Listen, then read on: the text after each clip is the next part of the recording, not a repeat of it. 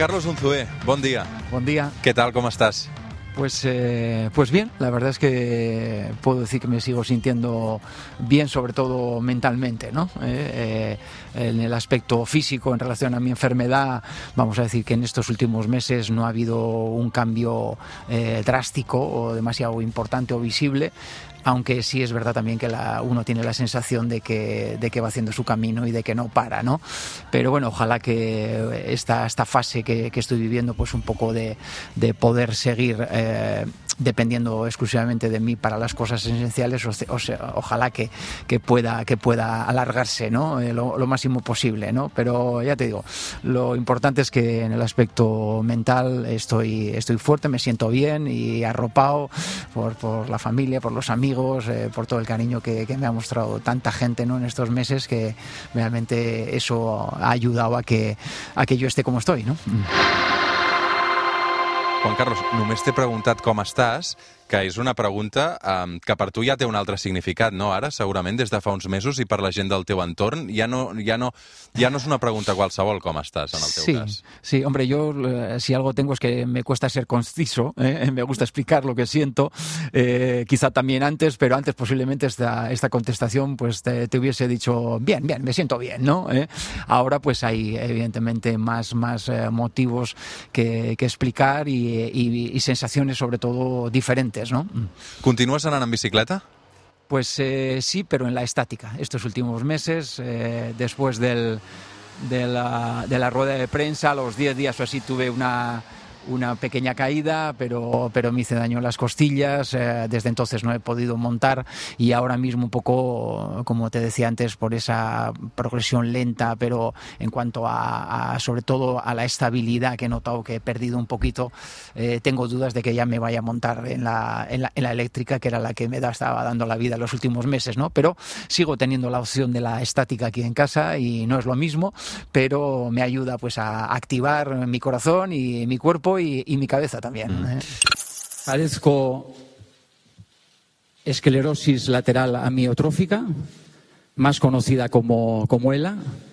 En mi caso, eh, está afectando a mis extremidades, brazos, manos y, y, y piernas de forma asimétrica. Fer-ho públic, explicar que tenies ELA, va ser treure't un pes de sobre d'alguna manera també? De portes en fora? Pues eh, sí, sí. El, el, primer eh, síntoma, la primera sensación que, que tuve fue un poco esta, ¿no? De, de, alivio, porque ya llevaba unos meses con ello en la cabeza eh, y me apetecía, ¿no? Desgraciadamente por el tema del COVID lo tuvimos que, que retrasar, entendimos que aquel era el momento adecuado y, eh, y evidentemente el, el, hacerlo público uh, me alivió porque había ya bastante gente, sobre todo la más cercana, familia, íntimos amigos eh, de Pamplona y de Barcelona, que es a los que podía, a los que había podido comunicar, vamos a decir, cara a cara, eh, eh, porque así lo, lo, lo, preferí, ¿no? Porque me sentía bien y creía que se iban a quedar más tranquilos si, si, si, si me escuchaban de tú a tú. Entonces, eh, pero había mucha gente, muchos amigos que, que no sabían eh, la noticia y realmente mi estado de salud y sobre todo qué enfermedad tenía. Y bueno, pues el hecho ya de explicar y aprovechar un poco pues eh, los medios de comunicación para, como así dije, pues para, para que me viesen también en una televisión o me escuchasen en una radio y, y se quedasen un poco más tranquilos, ¿no? Mm -hmm. Quan vas decidir anar al metge? Quan vas notar que alguna cosa fallava, Juan Carlos? Bueno, los, los primeros síntomas ya vienen de, de hace en enero, ahora hace tres años. ¿eh? Es el año que yo estoy en, en Vigo como, como, entrenador y yo empiezo allí en enero del 2018 a sentir que fatigado, una fatiga mayor que la, la habitual del, que, te, que, te, puede crear el propio estrés de, de trabajo y esta sensación de más cansado. ¿no? Eh, bueno, yo empiezo a preocuparme cuando, cuando en aquella primavera del 18 empiezo a andar un poquito en bicicleta y la bicicleta si algo tienes que es muy agradecida y en cuanto haces eh, unos kilómetros cuando le prestas un poco de atención y pasas unas horitas encima del sillín, pues eh, eh, notas, notas la progresión, ¿no? Y eh, desgraciadamente en aquel momento yo lo que empecé a sentir era acumulación de cansancio, ¿no? Aún dándole, vamos a decir, un, un tiempo importante, unas cuantas horas y unos cuantos días entre una salida y la otra, ¿no? Entonces ya empecé a pensar que, que algo raro estaba ocurriendo en, en, en mi cuerpo y con el paso de los meses, evidentemente sentía que algo grave eh, iba a aparecer, ¿no? No sabía qué ah, hasta el verano pasado, pero, pero sí entendía que, esto no era normal y un poco viendo, pues eso, lo que me iban comentando los, los, los doctores, los neurólogos, pues evidentemente no tenía buena pinta. ¿Cómo vas para ahí? Bueno, eh, a ver, yo el, primer momento, vamos a decir, eh, más que el de confirmación, es el, primero, el del diagnóstico que me da el doctor Rojas, mm, te puedo asegurar eh, que, no perdí un minuto de sueño al siguiente día. O sea, dormí con la misma tranquilidad que lo había hecho la noche anterior.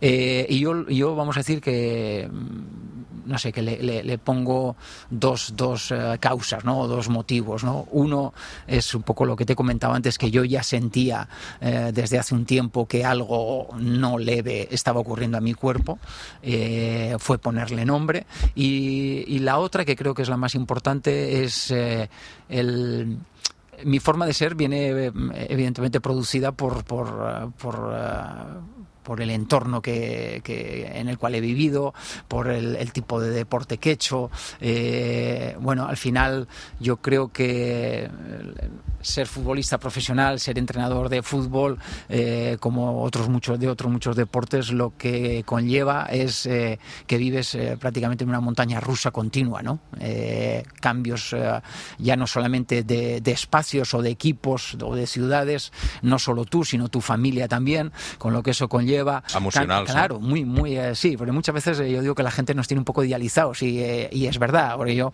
creo que todos los que hemos podido ser futbolistas, que hemos hecho de nuestro hobby, nuestra profesión, nos sentimos unos privilegiados, o yo por lo menos me lo, lo siento.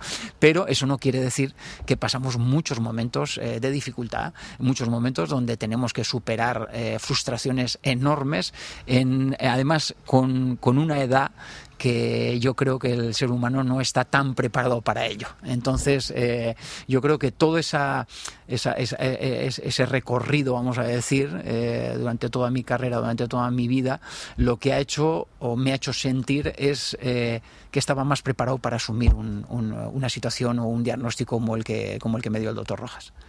¿Y la tía familia? Pues eh, mi mujer lo evidentemente estaba conmigo el día que, fuimos al doctor a visitar al doctor y a nuestros hijos decidimos eh, esperando un poco a esa segunda opinión no decirles nada allí hasta, hasta hasta justo antes de ir eh, en Navidad a Pamplona.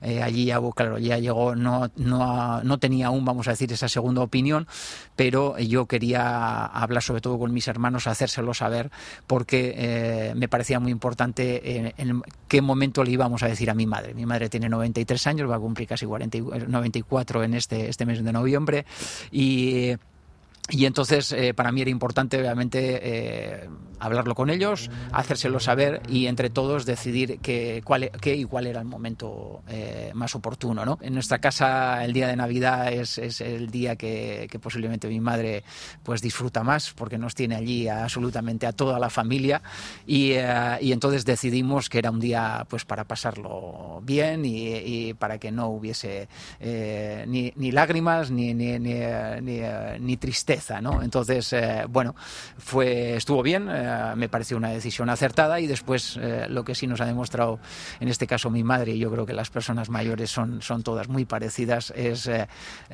primero lo inteligentes y lo listas que son, porque ya, ya, ya se intuía algo, algo, algo grave, ¿no? Y, a veces crees que no se dan de cuenta de muchas cosas y, y no pierden detalle. Entonces, bueno, lo ha asimilado bien, aunque evidentemente después de hacerlo público, bueno, pues eh, por una parte ha tenido la satisfacción de, de, encontrar también pues muy buen feedback de, las personas que se acercaban y le decían, hombre, pues le he visto fuerte a tu hijo, ¿no? Y, eh, qué bien que ha hecho esto y tal, pero por otra parte, realmente ha podido conocer al detalle lo que es esta enfermedad, ¿no? Entonces, bueno, la preocupación es un poco mayor, pero, pero tienen una vitalidad y tienen una inteligencia que, que es digna de admirar, sí, sí.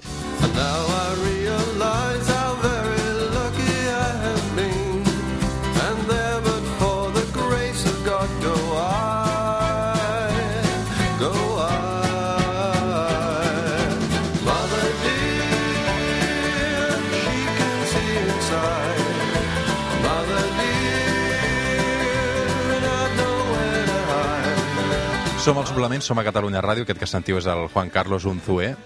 Sobre l'ELA, crec que eh, no hi ha tractament, però sí que es pot intentar ralentitzar tot el, tot el procés, no? Sí, sí. Uh, desgraciadamente, como dices, eh, no hay tratamiento ni caro ni barato. Eh, de momento es una enfermedad que no tiene, no tiene solución. ¿no? Eh, hay un tratamiento, y yo lo estoy tomando desde el primer diagnóstico, eh, que es, se llama Ribusol. Es el, uno, el único que se sabe a, a día de hoy que, y que está autorizado para poder tomarlo, que se sabe que no en el 100% de los pacientes, pero en la mayoría de los pacientes ayuda a ralentizar un poco la, la enfermedad. Pero cuando te hablan también y cuánto tiempo eh, es capaz de ralentizar, no se sabe exactamente dando y no es demasiado tiempo. Entonces, yo creo que esta enfermedad lo que, lo que necesita primero es eh, eh, que se conozca qué es esta enfermedad, qué, qué, supone, qué consecuencias trae y sobre todo que la gente sepa en qué situación la mayoría de los pacientes de la están, están teniendo y están viviendo en nuestro país. ¿no? Entonces, a través de esa información, de hacerle saber, pues yo lo que trato es de, que la gente se, se, sensibilice en un momento dado y sobre todo pueda aportar su granito de arena para o en favor de la, de la investigación de la, de, la, de la enfermedad. ¿no? Más allá de toda esta capacidad que pueda tener la gente y no vivimos en el mejor momento eh, para que, para que mucha gente pueda aportar su granito de arena en el aspecto económico, yo creo que también es... Eh, es importante eh, que, lo, que la administración, que, los, que, lo, que, el, Estado realmente eh, nos haga un poquito más de caso.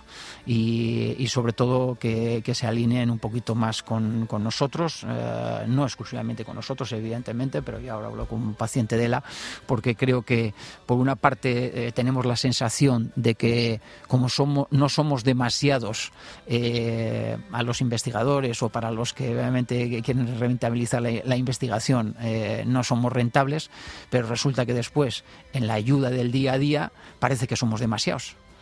¿eh? porque vamos a tener demasiado gasto y resulta que eh, curiosamente esta es una enfermedad muy cruel en, el, lo que son las, las fases que, que, que, se pasan y sobre todo es una, una enfermedad que es muy cara para de poder mantener. Eh, porque más allá de un par de operaciones que puedes hacer en un momento dado en diferentes fases, eh, es una enfermedad que, que, que, primero te deja a ti eh, totalmente dependiente eh, y poco a poco de, de, otra persona.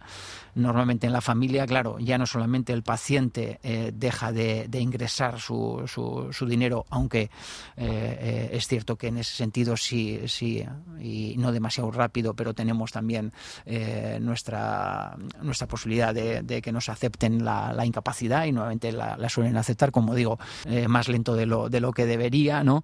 Pero en cierta manera eh, vamos a decir que eh, el paciente de la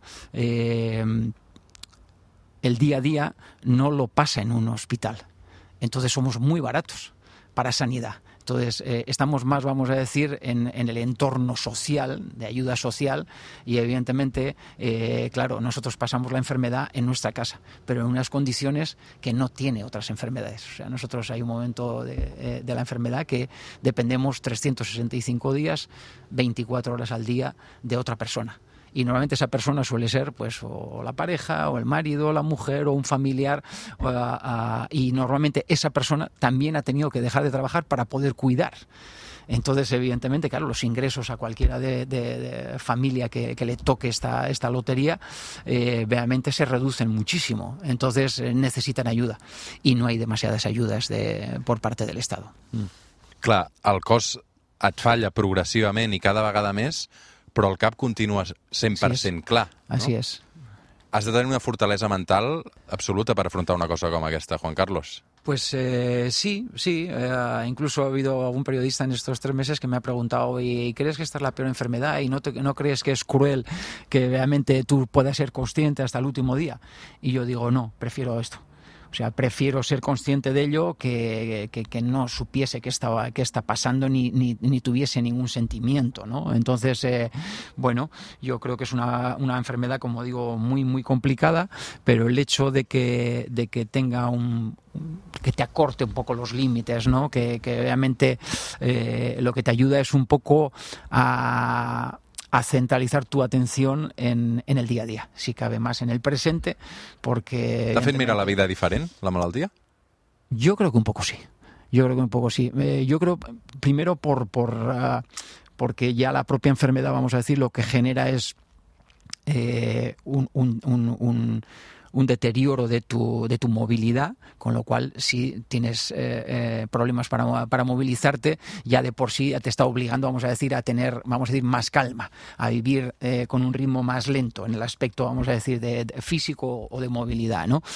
Pero curiosamente, y yo lo he notado así, eh, una persona tan activa como he sido yo, que lo que te ayuda es pues a, a desarrollar otros, otros, uh, otras sensaciones, otras capacidades que, que yo antes eh, no tenía y que ahora veo que, que, que, soy más capaz. Y es, ¿Quinas? por ejemplo, pues ser más observador, eh, escuchar un poco más eh, eh, que lo que escuchaba hasta, hasta ahora, ¿no? Entonces, yo creo que lo que tiene la sensación que tengo es que, que vives la vida eh, con otro ritmo. Y curiosamente, no es solamente desde que me lo han eh, diagnosticado, sino ya eh, el, año pasado, antes de, ir a Girona, después de salir de Vigo, que, hice mi primer año, vamos a decir, de descanso de toda mi, eh, mi carrera, lo que pude comprobar es que a, a, veces necesitamos, vamos a decir, salir un poco de ese ritmo, de ese espacio y mirar todo con un poco de perspectiva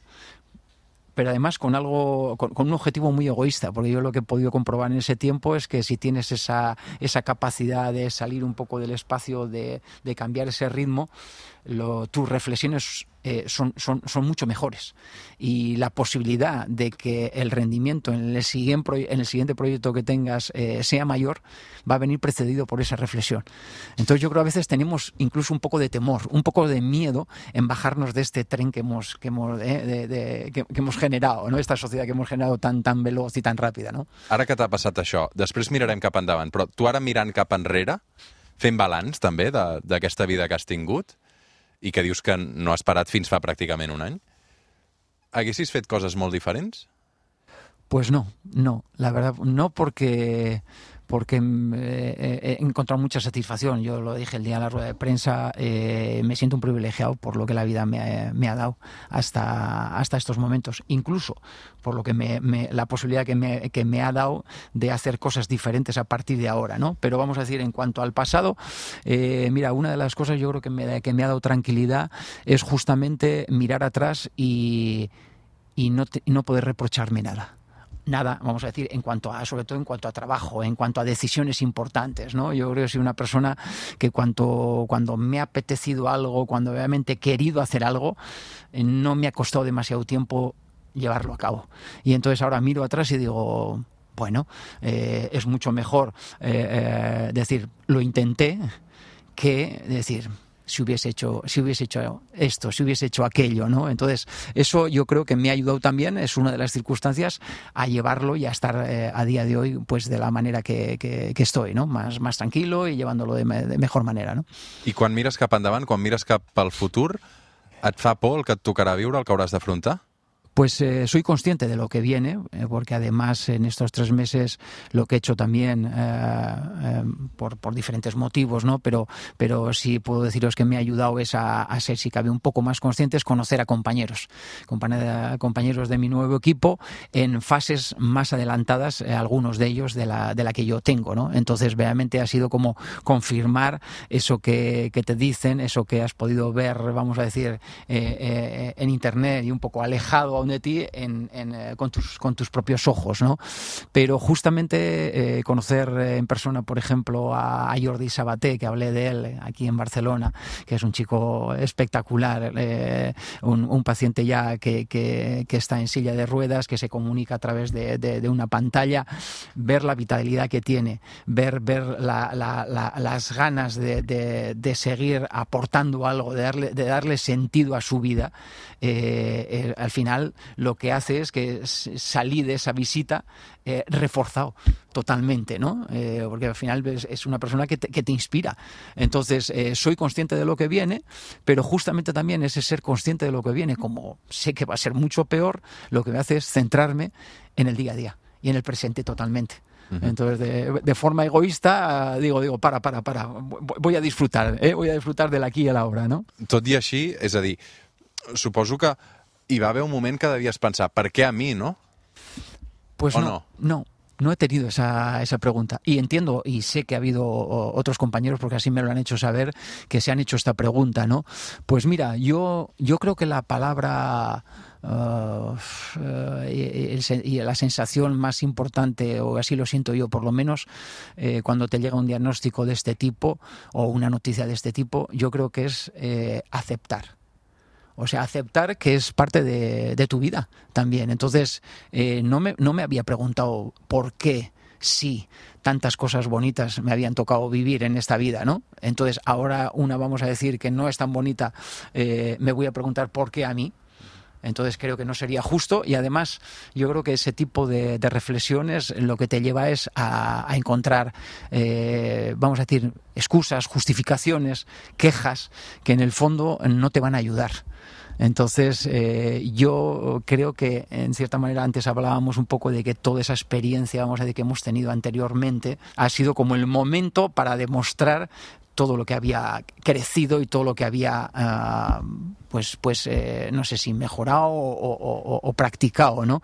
Porque yo muchas veces, eh, yo he tenido la suerte de, de, vivir todos los roles como, como portero, por ejemplo, como futbolista, ¿no? Y yo he contado unas cuantas veces que he sido no convocado dos, tres veces nada más, gracias a Dios. ¿eh? ¿Te pero, acuerdas, eh, por eso? Pero sí, me acuerdo, sí, sí. Porque me acuerdo porque además fue eh, eh, siendo muy joven.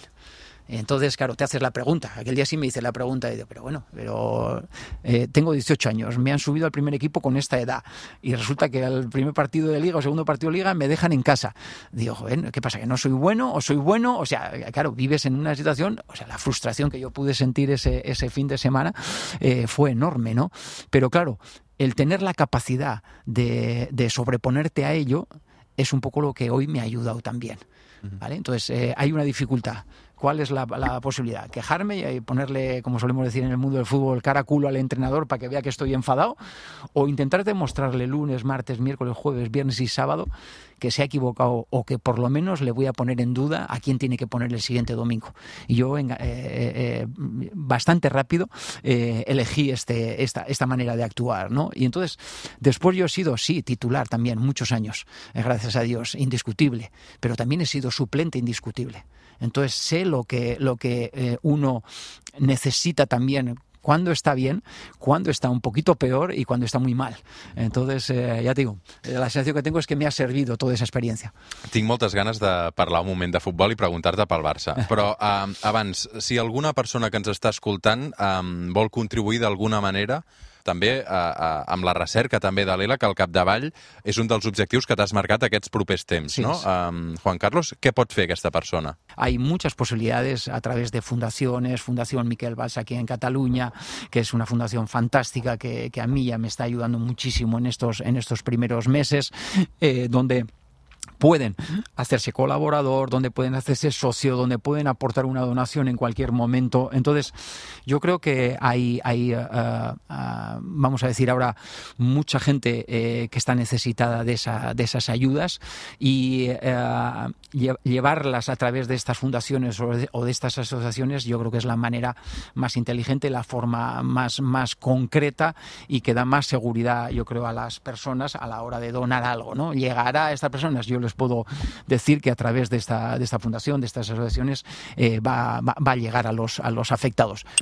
Neymar des de l'exterior canvia de peu, intenta una penjada suau, i la rematada i gol, gol, gol,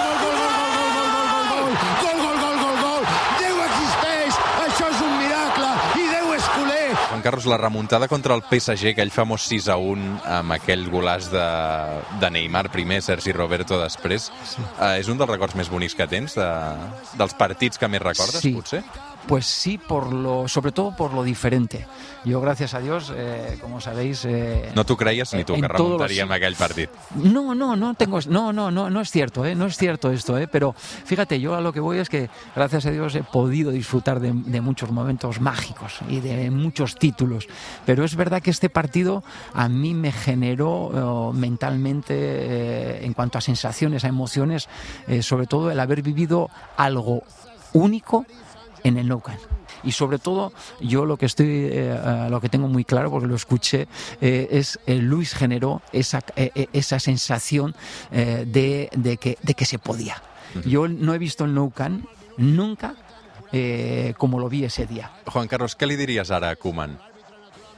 Bueno, yo, yo le, puedo decir pocas cosas que él eh, no sepa, porque yo creo que si, eh, si por algo está aquí Ronald y creo que, o yo por lo menos pienso que es una de las personas que podía tomar las riendas de este, de este equipo, de este club en estos momentos, eh, es él por toda la experiencia. Conoce el club, conoce, conoce Cataluña, conoce a los culés, eh, ha sido un hombre importante dentro del fútbol, eh, viene en un momento difícil por una parte, pero también eh, que le va a facilitar la gestión del vestuario respecto a otros entrenadores en otros momentos que han llegado. Y me explico, al final, cuando tú llegas después de, de que un equipo ha tocado fondo, los que estaban seguro que van a estar más atentos a lo que tú les digas. Messi eh, també creus que està tan receptiu després de tot el que ha passat aquest estiu?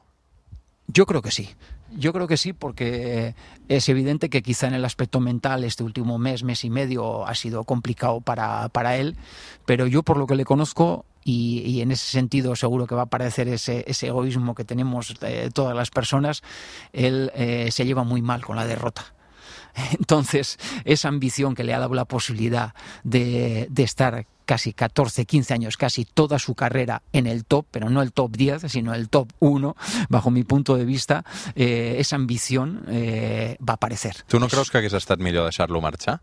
Si ell volia, tenia la voluntat de marxar com va demanar? Mira, yo, yo, lo, lo, yo lo que sí eh, quisiera eh, o primero me gustaría es que, que la carrera de, de Leo eh, empezó y terminase en el mismo club, porque creo que eso le iba a dar incluso dentro de lo que uh, le va a dar y, vamos a valorar, sobre todo cuando él se retire y ojalá que le quede un, unos cuantos años aún, eh, le vamos a valorar en su justa medida. Yo creo que el hecho en el momento que estamos, en, eh, el momento que vivimos, eh, hacer un toda tu carrera en el mismo club donde tú has empezado de crío, terminar ahí, eso sería fantástico. Pero por otra parte, estoy de acuerdo, y aquí te contesto a tu pregunta, en que yo creo que hay momentos que a las personas hay que escucharlas, porque por encima de futbolistas eh, somos personas.